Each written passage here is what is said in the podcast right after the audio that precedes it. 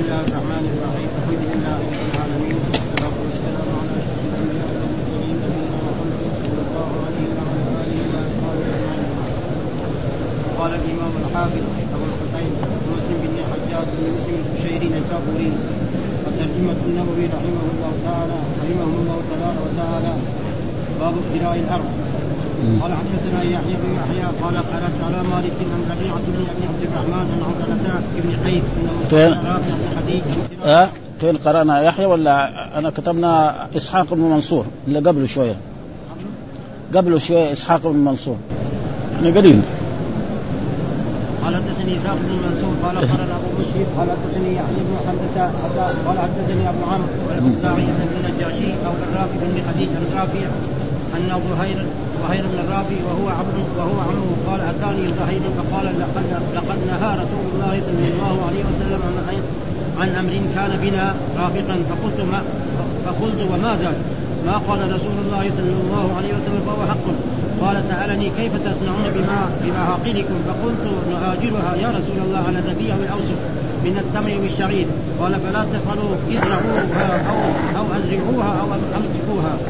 قال حدثنا محمد بن الحاتم قال حدثنا عبد الرحمن بن مهدي عن كلمة بن عمار عن ابن عن أبي النجاشي عن رافع عن النبي صلى الله عليه وسلم بهذا ولم يذكر عن عمه زهير قال حدثنا يحيى بن يحيى قال قرأت على مالك عن ربيعة بن أبي عبد الرحمن عن عبدة بن قيس أنه سأل رافع بن خديج عن كراء الأرض فقال نهى رسول الله صلى الله عليه وسلم عن كراء الأرض. قال فقلت ابي الذهب والورق؟ فقال أما بالذهب والورق فلا بأس به. قال حدثنا اسحاق قال أخبرنا عيسى بن يونس قال حدثنا اوزاعي عن ربيعة بن عبد الرحمن قال حدثني حنظله بن قيس الانصاري قال سألت رافع بن خديج عن كراء الأرض بالذهب والورق فقال لا بأس به إنما كان الناس يهاجرون على عهد النبي صلى الله عليه وسلم على الماضيانيات واقفال الجداول وأشياء من الزرع فيهلك هذا ويسلم هذا ويسلم هذا ويهلك هذا فلم يكن للناس اكتراء إلا هذا فذلك زجر عنه فأما شيء معلوم مقبول فلا بأس به. قال حدثنا عبد الناقد قال حدثنا سفيان بن عيينة عن يحيى بن سعيد عن عضلة الزلقي أنه سمع رافع بن خديج يقول كنا أكثر الأنصار حقلا قال كنا نكري الأرض على أن لنا نكري الأرض على أن لنا هذه ولهم هذه فربما أخرجت هذه ولم تخرج هذه فنهانا عن ذلك وأما الوريق فلم ينهنا. قال حدثنا أبو الربيع قال حدثنا حماد حول الإسناد وحدثنا حدثنا يزيد بن هارون جميعا عن يحيى بن سعيد بهذا الإسناد نحوه قال حدثنا يحيى بن يحيى قال أخبرنا عبد الرحمن قال قال أخبرنا عبد الواحد بن زياد حاول الاسلام وحدثنا أبو بكر بن أبي شيبة حدثنا علي بن مسلم كلاهما عن الشيباني عن عبد الله بن سائب. قال سألت عبد الله بن ماقل عن المزارع فقال أخبرني ثابت بن ضحاك أن رسول الله صلى الله عليه وسلم نهى عن المزارعة وفي رواية أبي شيبة نهى عنها. وقال سألت ابن ماقل ولم يسمي عبد الله. قال حدثنا إسحاق بن منصور قال أخبرنا يحيى بن حماد قال أخبرنا أبو عوانة عن سليمان عن سليمان الشيباني عن عبد الله بن سائب قال دخلنا على عبد الله بن ماقل فسألناه عن المزارعة فقال زعم سابقا أن رسول الله صلى الله عليه وسلم نهى عن المزارعة وامر وأمر بالمؤاجره وقال لا بأس بها.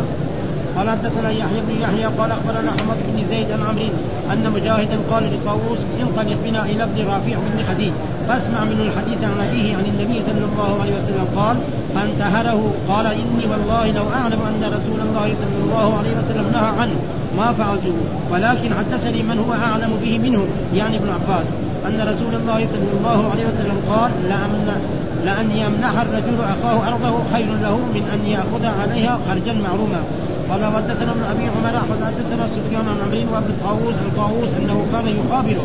قال عامر فقلت له يا أبا عبد الرحمن لو تركت هذه المقابلة فإنهم يزعمون أن النبي صلى الله عليه وسلم نهى عن المقابلة. فقال أي عمرو أخبرني أعلم أعلمهم بذلك. يعني ابن عباس أن النبي صلى الله عليه وسلم لم ينهى عنها إنما قال يمنح أحدكم أخاه خير له من أن يأخذ عليها خرجا معروفا قال حدثنا ابن أبي عمر حدثنا ثقفي عن أيوب حول الإسناد حدثنا أبو بكر بن أبي شيبة وإسحاق بن إبراهيم جميعا عن عن سفيان حول الإسناد وحدثنا محمد بن روح اخبرنا الليث عن ابن جريج قال حدثني علي بن حجر حدثنا صدر بن موسى عن شريك عن شعبة كل عن عمرو بن دينار عن طاووس عن ابن عباس رضي الله عنهما عن النبي صلى الله عليه وسلم نحو حديثهم قال حدثني عبد بن حميد ومحمد بن رافع قال عبد أخبرنا وقال ابن رافع حدثنا عبد الرزاق قال أخبرنا معمر عن ابن طاووس عن أبيه عن ابن عباس أن النبي صلى الله عليه وسلم قال لأن, لأن يمنح أحدكم أخاه أرضه خير له من أن يأخذ عليها كذا وكذا لشيء معلوم. قال فقال ابن عباس والحقل وهو بلسان أنصار وهكذا. قال وحدثنا عبد الله بن عبد الرحمن الدارمي قال أخبرنا عبد الله بن جعفر الرقي قال حدثنا عبيد الله بن عامر عن زيد بن أبي انيسة عن عبد الله بن زيد عن طاووس عن ابن عباس عن النبي صلى الله عليه وسلم قال من كانت له أرض فإنه أن يمنعها أخاه خير. يكفيها الحمد لله رب العالمين والصلاة والسلام على سيدنا ونبينا محمد وعلى آله وصحبه وسلم أجمعين. قال الإمام الحافظ أبو الحسين مسلم الحجاج القشيري النسابوري رحمه الله تعالى والترجمة الذي ترجم بها الإمام النووي باب كراء الأرض. وقدمنا أن كراء الأرض يعني جاء في أحاديث عن رسول الله صلى الله عليه وسلم نهى رسول الله صلى الله عليه وسلم عن كراء الأرض. فالنهي يقتضي التحريم القاعدة العلمية ها؟ ولكن بهذه الأحاديث التي تكررت يعني يثبت بنا أن كراء الأرض بالذهب وبالفضة وبالورق وبغير ذلك جائز. وأن كراء الأرض بما يخرج منها يكون عنده أرض ما فيها شيء ما فيها زراعة ولا شيء يكريها ويؤجرها له بإيه؟ نعم ما يخرج منها. إما بالربع أو بالثلث أو بأقل أو بأكثر فهذا هو الذي إيه؟ آه ورغب الرسول صلى الله عليه وسلم بدا ما يكري الأرض يعطيها لإنسان. فإذا النهي هذا آه للكراهة. آه وهذا النهي يكون لإيه؟ للتنزيه آه يكون النهي للتنزيه لأنه جاءت أحاديث يقول إيه؟ فليمنحها فليزرعها أو يزرعها آه وأول قال نهى فإذا إيش معناه؟ المعنى هو هذا إنه يعني كونه يأجرها لإنسان أو يكريها لإنسان الأحسن نعم يعطيها لإنسان ما عنده أرض فيزرعها ويستفيد منها وهو يستغني عنها أو يجي أو يزرع أرض فيها زراعة ويستفيد منها. هذا تقريبا يعني بالخلاصة ما في هذا. والباب هذا يعني كبير جدا. أتى به أحاديث كثيرة عن رسول الله صلى الله عليه وسلم في كراء الأرض. فكراء الأرض بما ينبت منها هذا ممنوع. ها؟ وكراء الأرض بدون يعني هذا بل يعني يعطي له هي مجانا فهذا أو فيكون النهي ما هو للتحريم إنما النهي للكراهة. وهذه الأحاديث تدل على ذلك. ومن هذه الأحاديث الذي نحن نقرأها قال حدثنا حدثني إسحاق بن منصور أخبرنا أبو مسهر حدثني يحيى بن حمزة حدثني أبو عمرو الأوزاعي عن أبي النجاشي مولى رافع بن خديج عن رافع أن ظهير ابن رافع وهو عمه. ها يعني رافع يكون عم لإيه؟ لظهير قال أتانا ظهير. فقال لقد نهى رسول الله صلى الله عليه وسلم عن أمر كان بنا كان بنا رافقا. يعني كان في فائدة ومصلحة لنا. آه وما قال وماذا قال رسول الله صلى الله عليه وسلم؟ وما قال رسول الله فهو حق. أي شيء يقوله الرسول صلى الله عليه وسلم فهو حق. وإن كان لكم مصلحة فإذا اتبعتم الرسول صلى الله عليه وسلم هذه آه الفائدة تحصل لكم من الشيء الذي ائتمرتم به فإذا هو هذا ما كان بنا رافقا يعني فيه إيه؟ رفق وفيه تسهيل. فقلت وماذا؟ قال قال رسول الله ما قال رسول الله فهو حق. كل شيء يقوله الرسول صلى الله عليه وسلم فهو حق. وقال ما اتاكم الرسول فخذوه وما نهاكم. فقال سألني كيف تصنعون بمحاقلكم؟ الرسول سأل كيف تسألون بمحاقلكم؟ يعني المحاقل والارض المزروعة. ها فقال نؤجرها يا رسول الله أو الأرض الذي لا يكون فيها. على على الربيع والاوسق اجرها يعني الربيع في إيه؟ ربيع يعني الربيع معناه الطريق الذي إيه؟ إلى إلى الزرع، مثلا يكون الزرع الماء كده يمشي ويكون الذي ينبت حول الماء هذا يكون إيه؟ أو الاوسق والوسق ستون صاعا، ستون يقول له مثلا تزرع هذه الأرض وما ينبت منها من البر أو من التمر أو من غير ذلك يعني فاكون لي الوسق أو الوسقين أو الثلاثة آه آه وسق من التمر أو الشعير. قال فلا تفعلوا. آه فهذا لا تفعلوا نهي. إيش هذا النهي؟ آه مكروه يعني. آه يعني يثبت منه إنه إيه؟ فلا تفعلوا. ازرعوها ها آه أو ازرعوها. يعني إما يزرعها بنفسك أنت واستفيد أو أعطيها إنسان يزرعها. ها؟ أو أمسكوها. يعني لا إيه؟ لا تؤجر الأرض. فإذا وأول تقدم لنا إنه إيجار الأرض. فإذا النهي للتنزيه. ما هو للتحريم. ومعلوم أن النهي لا ما ينهى عنه الله وينهى عنه الرسول. يعني قد يكون حراما وقد يكون مكروها. وقد يكون كراهة تنزيه. فلأجل ذلك أو أمسكوها. وثم الرسول رغب في أن يعطيها مجانا بدون مقابل. ها يعطيها مجانا يعطيها لإنسان يزرعها ويستفيد منها ما دام هو مستغني عن هذه الأرض. ها ها الربيع والاوسق هكذا في في في معظم النسخ الربيع هو الساقية.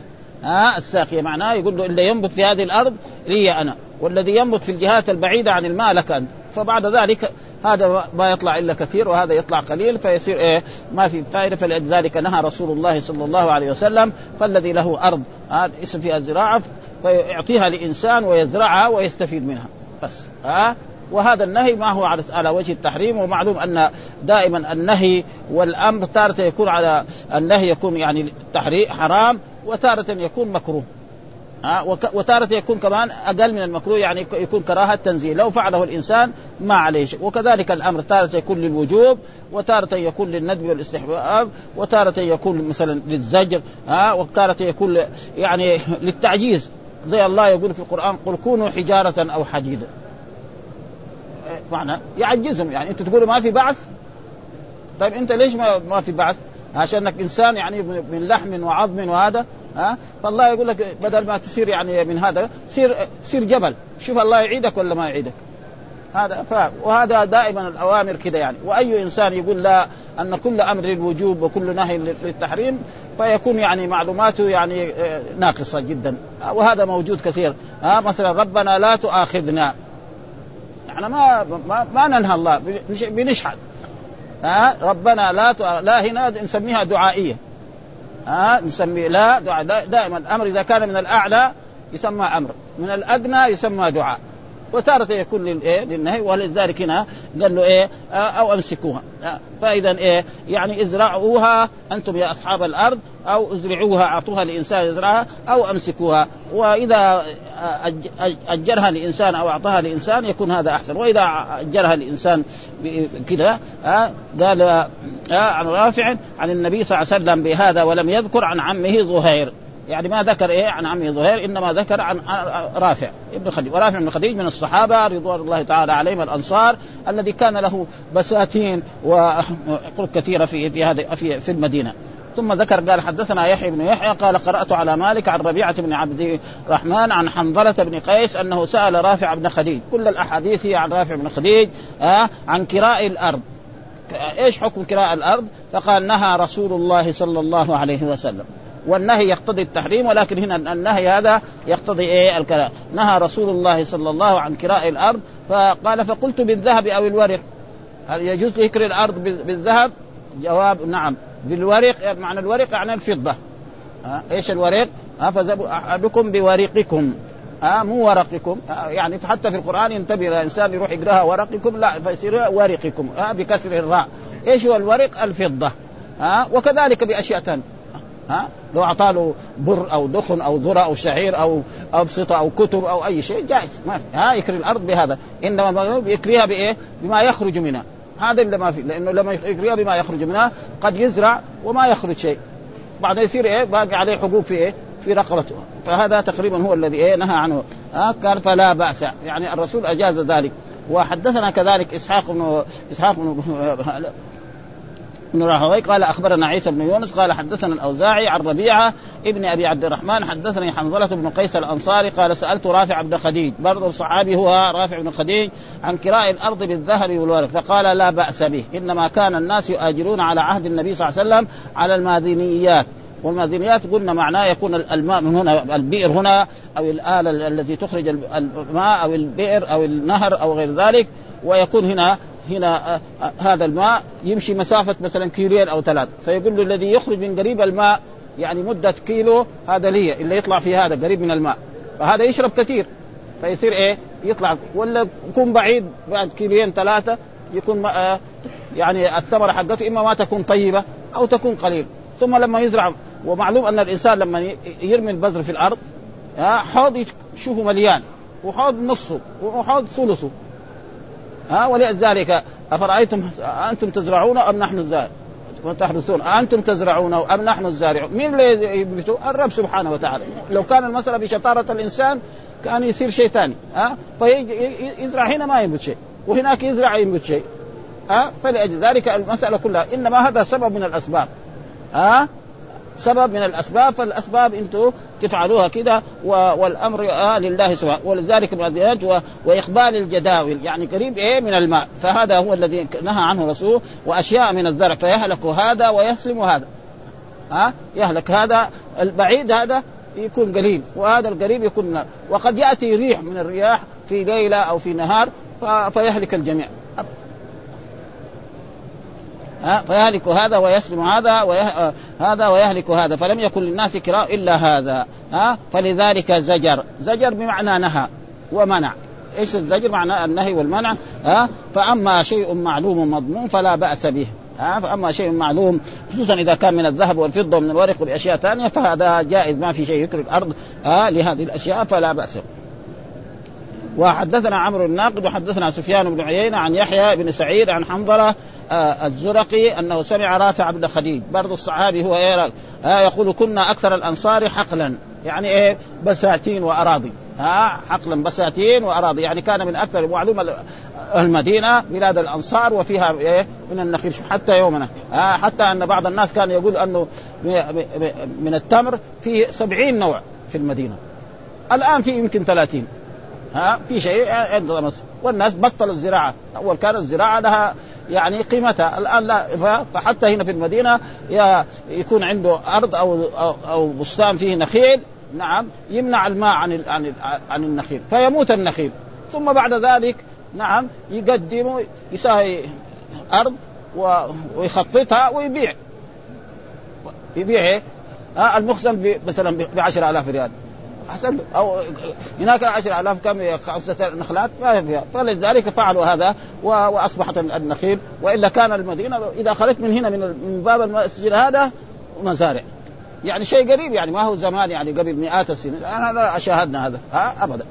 ها فلأجل ذلك قال ها فزجر عنهم فأما شيء معلوم ومضمون فلا بأس به. ها فإذا كان شيء معلوم بالذهب وبالفضه وغير ذلك وإذا كان بغير ذلك فيكون ما هو حرام إنما على وحدثنا عمرو الناقد وحدثنا سفيان بن عيينة عن يحيى بن سعيد بن أنه سمع رأي قال كنا أكثر الأنصار فقال كنا نكري الأرض على أن لنا هذه ولهم هذه.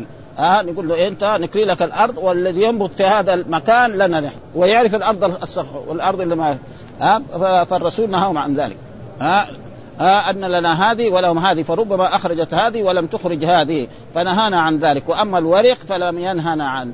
أما ياجر ارضه بالورق وهذاك يزرعها فهذا ما فيه شيء أو ياجرها بأي ثمن من الأثمان غير إيه غير الذهب وغير الفضة فإن ذلك جائز. يعني ما بس يروح يمكن يقول لا بس الذهب والفضة. ها أما إذا أجرها بأشياء ثانية ها, ها ما يجوز؟ لا. ها وحدثنا أبو الربيع حدثنا حماد حول الإسناد وقال حدثنا ابن المثنى حدثنا يزيد بن هارون جميعا عن يحيى بن سعيد بهذا الإسناد نحوه لأن الرسول أن رافع بن خديج يقول نهانا رسول الله صلى الله عليه وسلم أن نكري الأرض فنقول لنا هذه ولكم هذه فإن هذه قد تنبت وهذه لا تنبت وهذا شيء مشاهد يعني في, في إنسان بيزرع يعني يجد أن أرضا تنبت كثير وأرض لا تنبت كثير ولذلك مين الفاعل الحقيقي هو الرب سبحانه وتعالى إنما أمرنا بالأخذ بالأسباب ها؟ ولذلك جاء في أحاديث عن رسول الله صلى الله عليه وسلم لو توكلتم على الله حق توكله لرزقكم كما يرزق الطير تغدو خماصا وتروح بطانا يعني لابد من الأخذ بالأسباب. ها ياخذ الأسباب يجي له ها والناس الذي يفسروا يعني أن الطير متوكل. الطير لو كان جلس في وكره لمات من الجوع. فالله ما تكفل الرزق للطير إلا بأن يخرج من إيه؟ من العش حقه صباحا. ولو قعد هناك بعد يومين تلقوه ميت. ها فلا بد ياخذ من الأسباب وإذا أخذ من الأسباب فإن الله يرزقه. وكذلك قال حدثنا يحيى بن يحيى أخبرنا عبد الواحد بن زياد وحدثنا أبو بكر بن أبي شيبة حدثنا علي بن مسهر كلاهما عن الشيباني عن عبد الله بن السائب قال سألت عبد الله بن معقل وكذلك من الأنصار عن المزارعة فقال أخبرني ثابت بن الضحاك أن رسول الله نهى عن المزارعة. آه المزارعة معناه يقول له إيه؟ بما ينبت آه هذه الأرض أجرك هي وما يخرج منها لي الربع أو لي الثلث أو هذا. فهذا ممنوع عنه. وأما يجي المزارع الذي سيأتي بعد ذلك في باب في كتاب بعد هذا الكتاب يأتي إنسان يكون عنده بستان. نعم. أو عنده أرض. فيقول له بستان يقول له أنا أعطيك البذر. نعم. وأنت إيه؟ تزرع البذر وتسقي ولي أنا النصف ولك النصف. أو لي الثلث وأنت لك الثلثان. ها؟ أو يقول له مثلا آه أن البذر آه البذر عليه هو كمان. ها على إيه؟ على الذي أجره فهذا ما في شيء. وسيأتي في إيه؟ في الباب اللي بعد هذا يبين. عنه. قال سألت ابن معقل ولم يسمي عبد الله. ها؟ ابن معقل. يعني شيء. عبد الله بن معقل. لكن إيه اللي قال له الشيخ يقوله؟ بس ها؟ هناك قال عبد الله بن معقل. يقول لا الثاني هذاك ما قال ما قال عبد الله. قال ابن معقل. هو هو. ها؟ لكن الأمانة العلمية. لأنه شيء انضبط في العلم مثل الحديث ما في. بخلاف مثلا بعض الكتب العلمية الثانية التاريخ ما انضبط تمام. ها بل الناس يساووا تاريخ في في عهد أمير من الأمراء وفي عهد ملك من الملوك يساووا تاريخ يمدحوه ويثنوا عليه ويمجدوه. بعدين لما يروح والتاريخ اللي يكتب بعده هو الذي التاريخ الصحيح. وهذا كمان يكون إيه؟ يكونوا ظلمة كمان. يكرهوا هذه الحكام يجيبوا يكذبوا عليه. كما, كما صار يعني بين الدولة العباسية والدولة الأموية وهكذا يعني. فالتاريخ يعني ما لكن الشيء الذي انضبط الحديث. ابدا. صحيح البخاري صحيح مسلم أبي داود الترمذي النسائي هذه الكتب مضبوطة الموطأ ما فيها يعني ابدا. ها؟ لغرض من الأغراض ابدا. بخلاف التاريخ ابدا فيه. كذلك التفسير برضه في بعض أشياء ما, ما هي مضبوطة يعني. في التفسير. ها؟ في حكايات يعني. ها؟ ما يا بعض إسرائيليات موجوده ها؟ يعني في إسرائيليات. أما الحديث ما في هذا ابدا. ها؟ ولأجل ذلك الرسول أوصى عليكم بسنتي وسنة الخلفاء الراشدين المهديين. التاريخ فيه أبدا ها؟ نجد التاريخ نجد إيه؟ بعض الأشياء يعني فيها زيادة وفيها نقصان وزيادة يحب مثلا كما فعلوا وحدثنا إسحاق أخبرنا يحيى بن حمار قال أخبرنا أبو عوانه عن سليمان الشيبان عن عبد الله بن السائق قال دخلنا على عبد الله برضه ابن معقل فسألناه عن المزارع فقال زعم ثابت زعم معناه يعني آه يعني آه كان وتحقق ذلك. مو الزعم يعني الادعاء ها, ها؟ يعني زعم دائما يعني تقول زعموا مطية الكذب. واحد قالوا قالوا قالوا هذا لكن هنا زعم بمعنى هو عنده علم وبين لنا إنه إيه؟ إنه هذا. ثابت أن رسول وهو صحابي ها؟ والصحابة كلهم عدول. ما في واحد يكذب أو هذا ابدا. ها؟ نهى عن المزارع وأمر بالمؤاجرة. يعني المزارع كونه يقول له هذه الأرض أجرك هي نعم والذي ينبت منها تعطيني الثلث. هذا في نهي ها؟ أما ياجرها له بالذهب أو بالفضة أو بأشياء ثانية اثمان فهذا ليس فيه. وقال, وقال لا بأس بها. المؤاجرة بالذهب وبالفضة وب وباثمان أخرى فهذا جائز. إنما بالربع بالثلث بالهذا أو بالمعدنيات وهذا والربيع هذا ممنوع. والأحسن في ذلك كله أن يعطيها مجانا له. وهذا أحسن وهذا أفضل من هذا. وحدثنا يحيى بن يحيى قال أخبرنا حماد بن زيد عن عمرو أن مجاهد قال لطاووس انطلق بنا إلى ابن رافع ابن خديج إلى ابن رافع بن خديج فاسمع منه الحديث عن أبيه وهو رافع بن خديج قال فانتهره ها؟ يعني قال له إيش نروح لرافع بن خديج؟ في في ولد رافع بن خديج في عبد الله بن عباس. هذا هذا معناه. ها؟ بدل رافع ولد رافع بن خديج. ليش نروح له؟ ها؟ عبد الله بن عباس صحابي وأجل منه وأعلم والرسول دعا له. هذا معناه انتهر يعني ما في حاجة. ها, ها؟ قال لطاووس انطلق بنا إلى ابن رافع فاسمع منه الحديث. ها؟ فاسمع منه الحديث عن أبيه وهو ولد. عن النبي قال فانتهر وقال إني والله لأ لو أعلم أن رسول الله نهى عن ما فعلت. لو أعلم أن رسول الله نهى عن ما فعلت. ولكن حدثني من هو أعلم منه. ها؟ أعلم به منهم. يعني ابن عباس أن رسول الله قال لأن يمنح الرجل أخاه أرضه خير له من أن يأخذ عليها خرجا. ها؟ عبد الله بن عباس يعني يعني معناه إنه يبيح ها؟ لكن كونه يعطيها مجانا هذا أحسن. ها؟ فهذا يعني يفهم من الحديث أن كون الإنسان يكون عنده أرض ويعطيها لأخ أو صديق أو رجل مسلم نعم ويزرعها ويستفيد منها وهو يمكن ما ما يقدر يقوم بها أو عنده محلات أخرى فهذا تقريبا أحسن. ها؟ فاذا يكون النهي يعني إيه؟ يعني نهي تنزيه. ومعلوم النهي قد يكون حرام وقد يكون مكروه وقد يكون نهي تنزيه. ها, ها؟ خير من أن يأخذ عليها خراجا معلوما. فهذا يعني فيصير تجمع الأحاديث. ولذلك شوف الإمام مسلم دحين رتبها كيف؟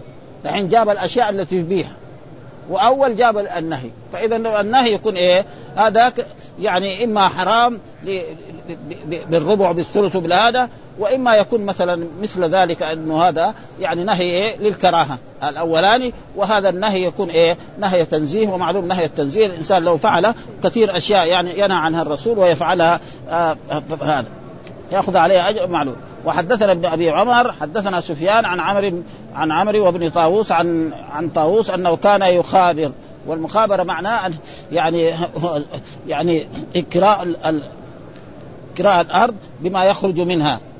ها؟ هذا يسمى المخابرة ويسمى الخبر ويسمى المزارعة كل هذا تقريبا واحد. لفظ ألفاظ مخابرة الخبر قال عمرو قال عمرو فقلت له يا أبا عبد الرحمن لو تركت هذه المخابرة ها بأنك تكري الأرض حقك وما يخرج من الأرض يعني تأخذ منه الربع أو الثلث ها فإنهم يزعمون أن النبي صلى الله عليه وسلم نهى عن المخابرة. ها؟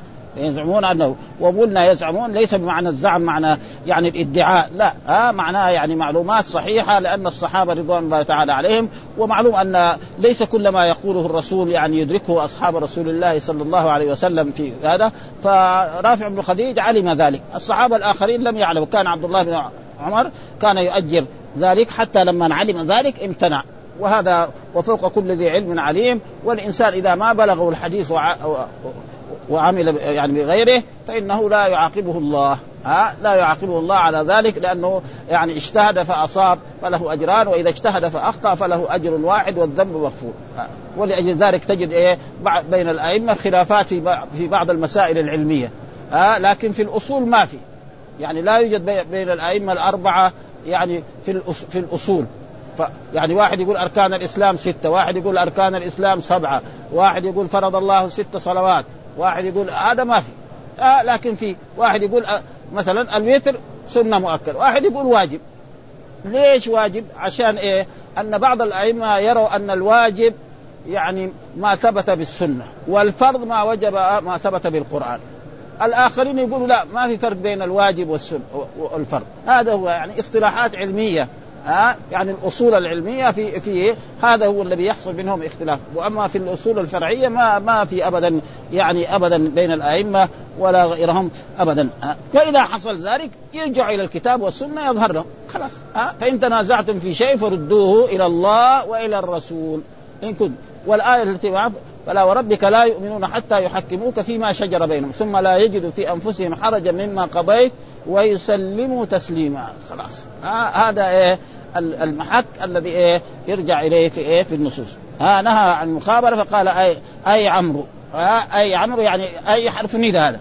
وحروف الندى معروفة. الياء والهمزة و و و وأي وهيا. هذا فأي واحد يبغى ينادي يقول عمرو.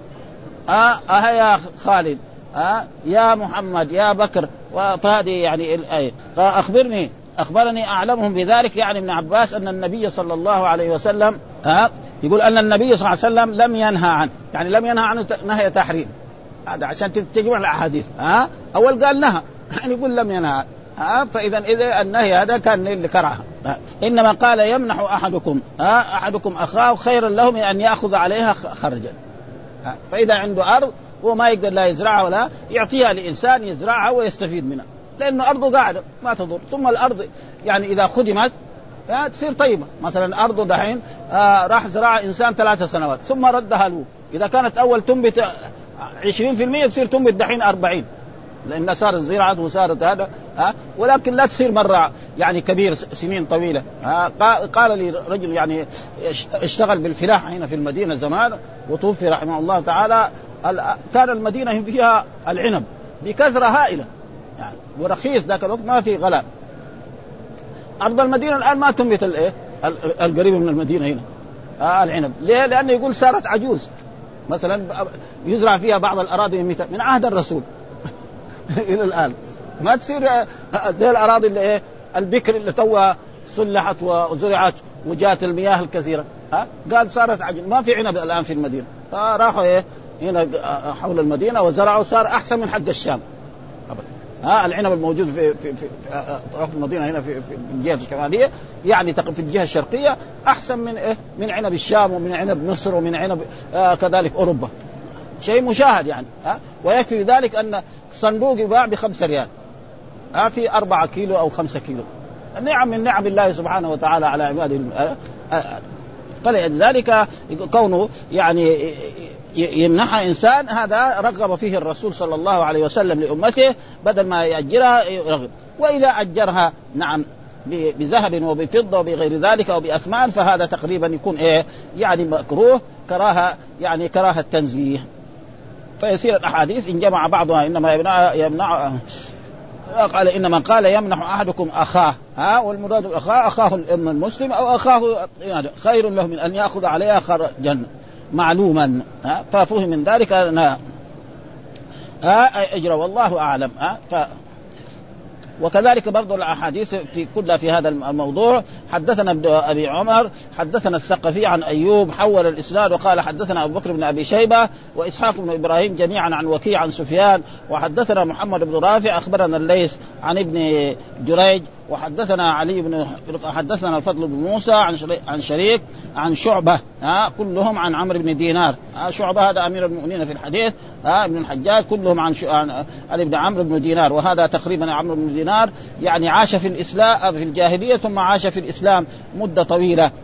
يعني أدرك بعض التابعين عن طاووس عن ابن عباس أو أدرك ها نحو حديثهم. نحو حديث إيه؟ ما تقدم لنا أن الرسول رغب في إيه؟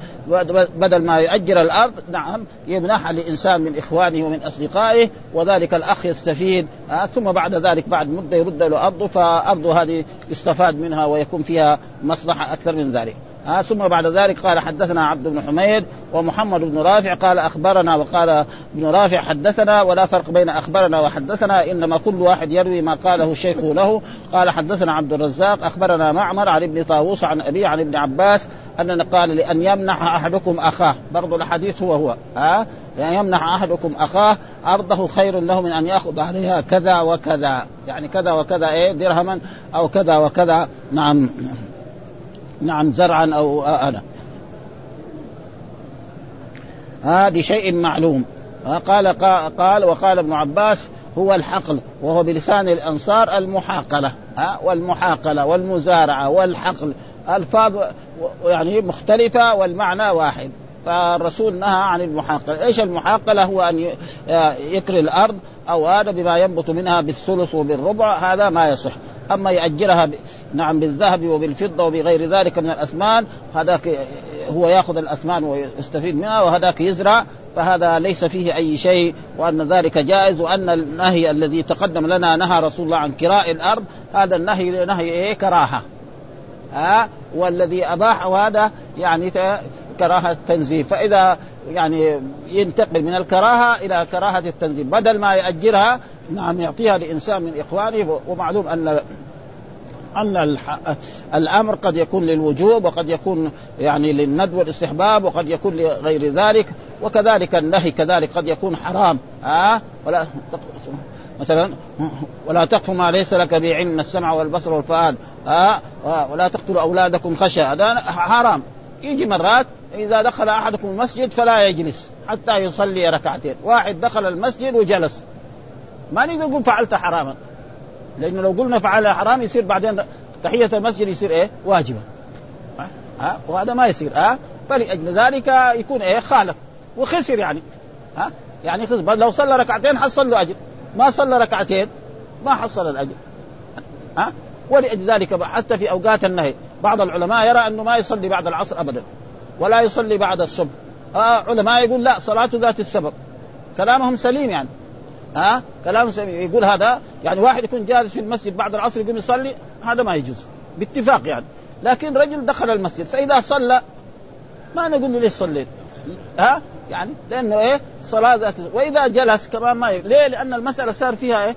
خلاف فرعي. فبعض الأئمة يرى إنه ما يصلي ابدا. ها؟ كالإمام مالك والإمام أبو حنيفة. الإمام الشافعي والامام أحمد يروي إنه يصلي ما في شيء. ليه؟ لأن صلاة سبب. ها؟ وهذا موجود يعني كثير في الأحاديث. مثل ذلك مثلا الرسول قال يا بني عبد مناف لا تمنع احدا طاف بهذا البيت وصلى أية ساعة شاء من ليل أو نهار. شاء من ليل أو نهار يفهم من إيه؟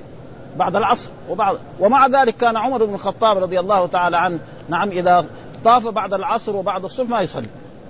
يقدم النهي. صحابة آخرين يخالفون في هذا. ها؟ فهذه المسائل الفرعية يعني لا تحدث بين المسلمين يعني شغب ولا شيء. واحد قام يصلي بعد دخل المسجد يصلي يقول له لا اجلس.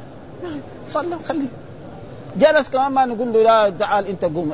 ها؟ وفي أحاديث يعني على كل حال. فالمسألة الفرعية لا يعني تحدث مسائل ها؟ وفي أحاديث مثلا الرسول نهى عن إيه؟ الصلاة عند طلوع الشمس وعند غروبها ها؟ وعندما تكون وسط السماء. هذا غير النهي إلا بعد العصر وبعد الصبح وحتى دفن الميت في ذلك الوقت ممنوع. يعني جاء في أحاديث كده. فاذا المسائل مثل هذه لا تحدث بين المسلمين شيء ولذلك يمنح أخاه خير له. ثم ذكر يعني نقرأ ولو حديث من كتاب المزارعة آآ آآ كتاب المساقات والمزارعة.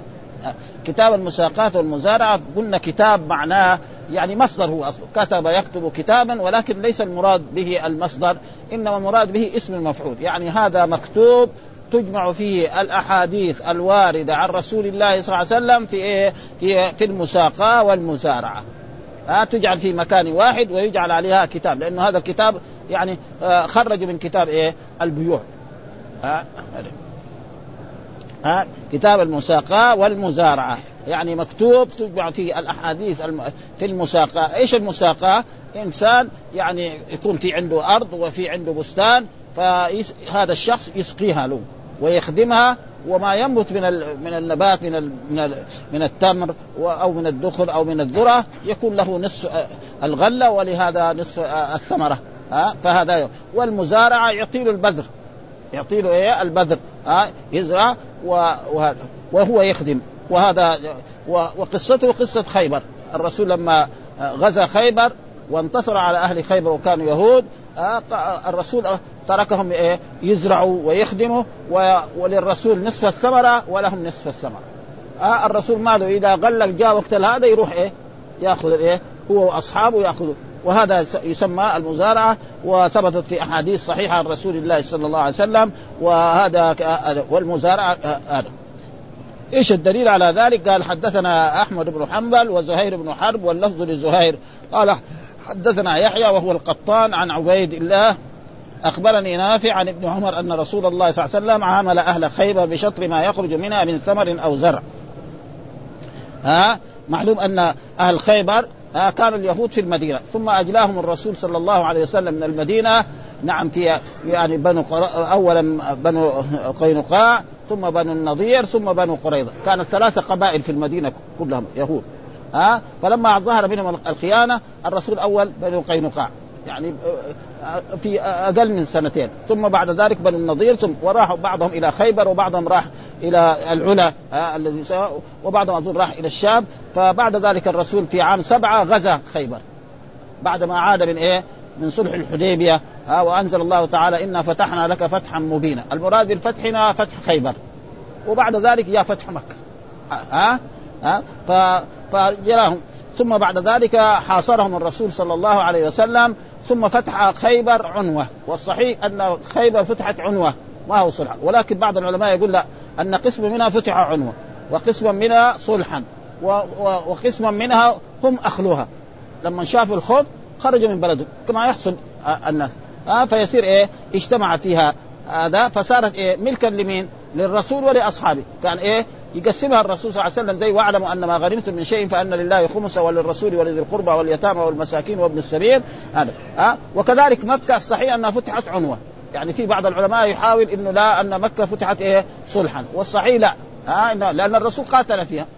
فلو فتحت ما يقاتل فيها. ها؟ ولأجل ذلك زي ما قلنا المسائل العلمية اللي مثل هذه إذا أراد الإنسان الصواب يقدر يجده. ها؟ ها؟ بعض العلماء يقول لا فتحت صلحا.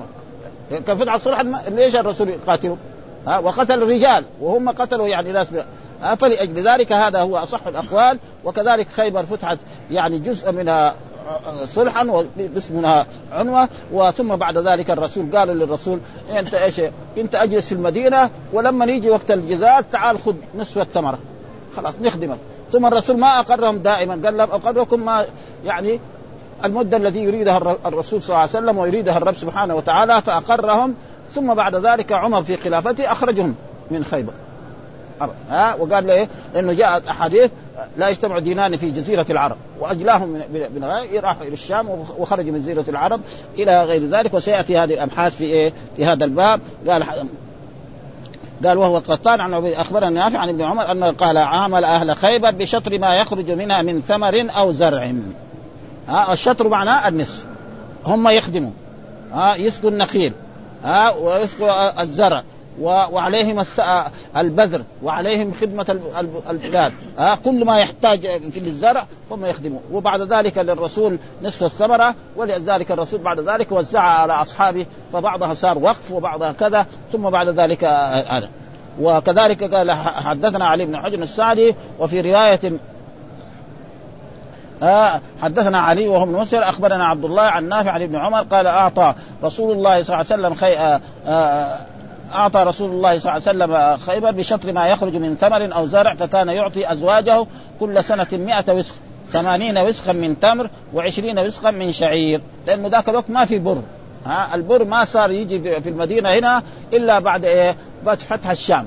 ها يعني الناس يأكلوا إيه؟ الشعير. ها يطحنوه ويعملوا خبز. أما البر هذا يمكن كدواء ها؟ ما في يعني ها؟ في المدينة ما كان في. ثم بعد ذلك يعني لما فتحت الشام صار حتى جاء معاوية رضي الله تعالى عنه إلى المدينة وخطب الناس في هذا المسجد وقال أرى نصف صاع نعم من من السمراء يكفي عن صاع. فالصحابة ما رضوا. قالوا لا نحن ما نخرج في زكاة الفطر إلا صاعا لأن الرسول قال زكاة الفطر صاع من تمر أو من بر أو من زبيب أو من شعير أو ما نقبل كلامك يا معاوية. كده ها؟ ها؟ ونقرأ الشيء الذي قاله يعني الإمام النووي هنا في هذا الحديثين أقل ما يكون. أن رسول الله عامل أهل خيبر بشطر ما يخرج منها من ثمر أو زرع وفي رواية اعتمروها من أموالهم. يعني إيه؟ الخدمة يكون من اموالك تحتاج زرع يحتاج مثلا شيء انكسر أو هذا ولرسول الله صلى الله عليه وسلم شطر ثمرها. في هذه الأحاديث جواز المساقات وبه قال مالك والثوري والليث والشافعي وأحمد. وجميع فقهاء المحدثين وأهل الظاهر وجماهير العلماء. وقال أبو حنيفة لا يجوز. ها وتأول هذه الأحاديث على أن خيبر فتحت عنوة. ها؟ ويصير هذا؟ يعني هم عبيد للرسول صلى الله عليه وسلم وملكا لرسوله وكانوا أهل عبيدا لرسول الله صلى الله عليه وسلم فما أخذه فهو له وما تركه فهو له. ومعلوم أن الإنسان إذا يعني البلاد البلاد البلاد الكافرة أو المشركون إذا انتصر عليهم المسلمون له أن إيه؟ يرقهم. وله أن إيه؟ يمنحهم مثل ما فعل رسول الله صلى الله عليه وسلم بأهل مكة. وإلا أهل مكة لما فتح الرسول مكة عنوه لو أقر أرقهم كلهم أو قتل جميع الرجال البالغين كان أخذوا حقهم. جائز. ها لرسول الله صلى الله عليه وسلم أن يقتل جميع الرجال البالغين لأنهم ماذا فعلوا مع رسول الله؟ 13 سنة آذوا الرسول وآذوا أصحابه حتى هجر ها ثم بعد ذلك الرسول انتصر عليهم لكن هم لما رأوا كده ها قال لهم الرسول ما ظنكم أني فاعل بكم؟ قالوا أخ كريم وابن أخ كريم. قال اذهبوا فأنتم الطلقاء. الرسول أعتقهم لوجه الله. ها وإلا لو كان الرجال البالغين دول قتلهم والنساء كلهم جعلهم عبيد وهذا كان اخذوا حقهم. ما في. ها ولذلك يقول الله تعالى ها فإذا اثخنتموه فشدوا الوثاق فإما منا بعد وإما فداء حتى تضع الحرب أوزار. يعني لا يلزم من ذلك أن إذا قتلوا الكفار أنهم يرقوا. ها وهل الرق هذا يكون في جميع الكفار المقاتلين؟ نعم. ها بعضهم قال لا بس ما يكون إلا في إيه؟ يعني يعني في اليهود وفي النصارى. أما العرب لا يرقون. والصحيح أنهم يرقون لأنه الرسول قاتل بني المصطلق وبني المصطلق ناس عرب ومع ذلك إيه أرقهم ها. ولذلك هو هذا الصحيح ها ولا يجوز تأول هذه الأحاديث على أن خيبر فتح وكان أهلها عبيدا لرسول الله فما أخذه فهو له وما تركه فهو له. واحتج الجمهور بظواهر هذه الأحاديث وبقول صلى الله عليه وسلم أقرأ أقركم ما أقركم الله. ها يقركم وبعد ذلك عمر أجلاهم. وهذا صريح في أنهم لم يكونوا عبيدا قال القاضي وقد اختلفوا في خيبر هل فتحت عنوة أو صلحا أو بجلاء أهلها عنها بغير قتال أو بعضها صلحا وبعضها عنوة وبعضها جلاء جلاء عنه أهله وبعضها صلحا وبعضها عنوة. قال وهذا أصح الأقوال يعني فيها الثلاثه ها شيء عنوة وشيء صلحا وشيء هم خرجوا من بلادهم وتركوا. قولها وهي رواية مالك ومن تابعه وبه قال ابن عيينة في كل قول وفي كل قول أثر مروي وفي رواية لمسلم أن رسول الله لما ظهر على خيبر أراد إخراج اليهود منها وكانت الأرض حين ظهر عليها الله لله ولرسوله وللمسلمين. وهذا يدل من قال عنوة. ها إذ حق المسلمين إنما هو في العنوة. وظاهر قول من قال صلحا أنهم صلحوا على كون الأرض للمسلمين والله أعلم. واختلفوا فيما تجوز عليه المساقات من الأشجار. يعني إيش اللي يجوزها؟ فقال داود تجوز على النخل خاصة. وهذا جمود من إيه؟ من داود ها؟ داود الظاهري عالم ولكن عنده جمود كثير. ها؟ في فيها مثلا وقف. الرسول كان إيش اللي في خيبر؟ نخيل. قال خلاص. اذا في العنب ما يصح. في البر ما يصح. شوية. ها؟ فليش؟ لأنه والصحيح أنه كل إيه؟ كل شيء من الثمر من ما يزرع في هذا. فقال داود تجوز على النخل وقال الشافعي على النخل والعنب خاصة وقال مالك تجوز على جميع الأشجار وهو قول للشافعي. وأما داود فرآه رخصة فلم يتعد فيه المنصوص وأما الشافعي فوافق داود في كونها رخصة لكن قال حكم العنب حكم النخل وفي معظم الأبواب في معظم الأبواب. أما مالك فذهب لجواز الحاجة ذهب لزواج الحاجة والمصلحة. كده ذهب وهذا يشمل جميع آه، الجميع فيقاس عليه بشطر ما يخرج منها آه، فيه أن أن أن الجزء المساق عليه من نصف أو ربع أو غيرهما من المساقات. المزارع وإن كانت المزارع عندهم لا تجوز آه، منفردة فتجوز طبعا للمساقات. ها المزارع لابد إنه إذا كان يساوي مزارع وما يسقيها ما يصير فائدة. ها على النخل و... ها ويزارع زراعة الأرض كما جرى في خيبر. وقال مالك لا يجوز لا تجوز المزارعة إلا منفردة. ولا طبعا إلا ما كان من الأرض بين الشجر.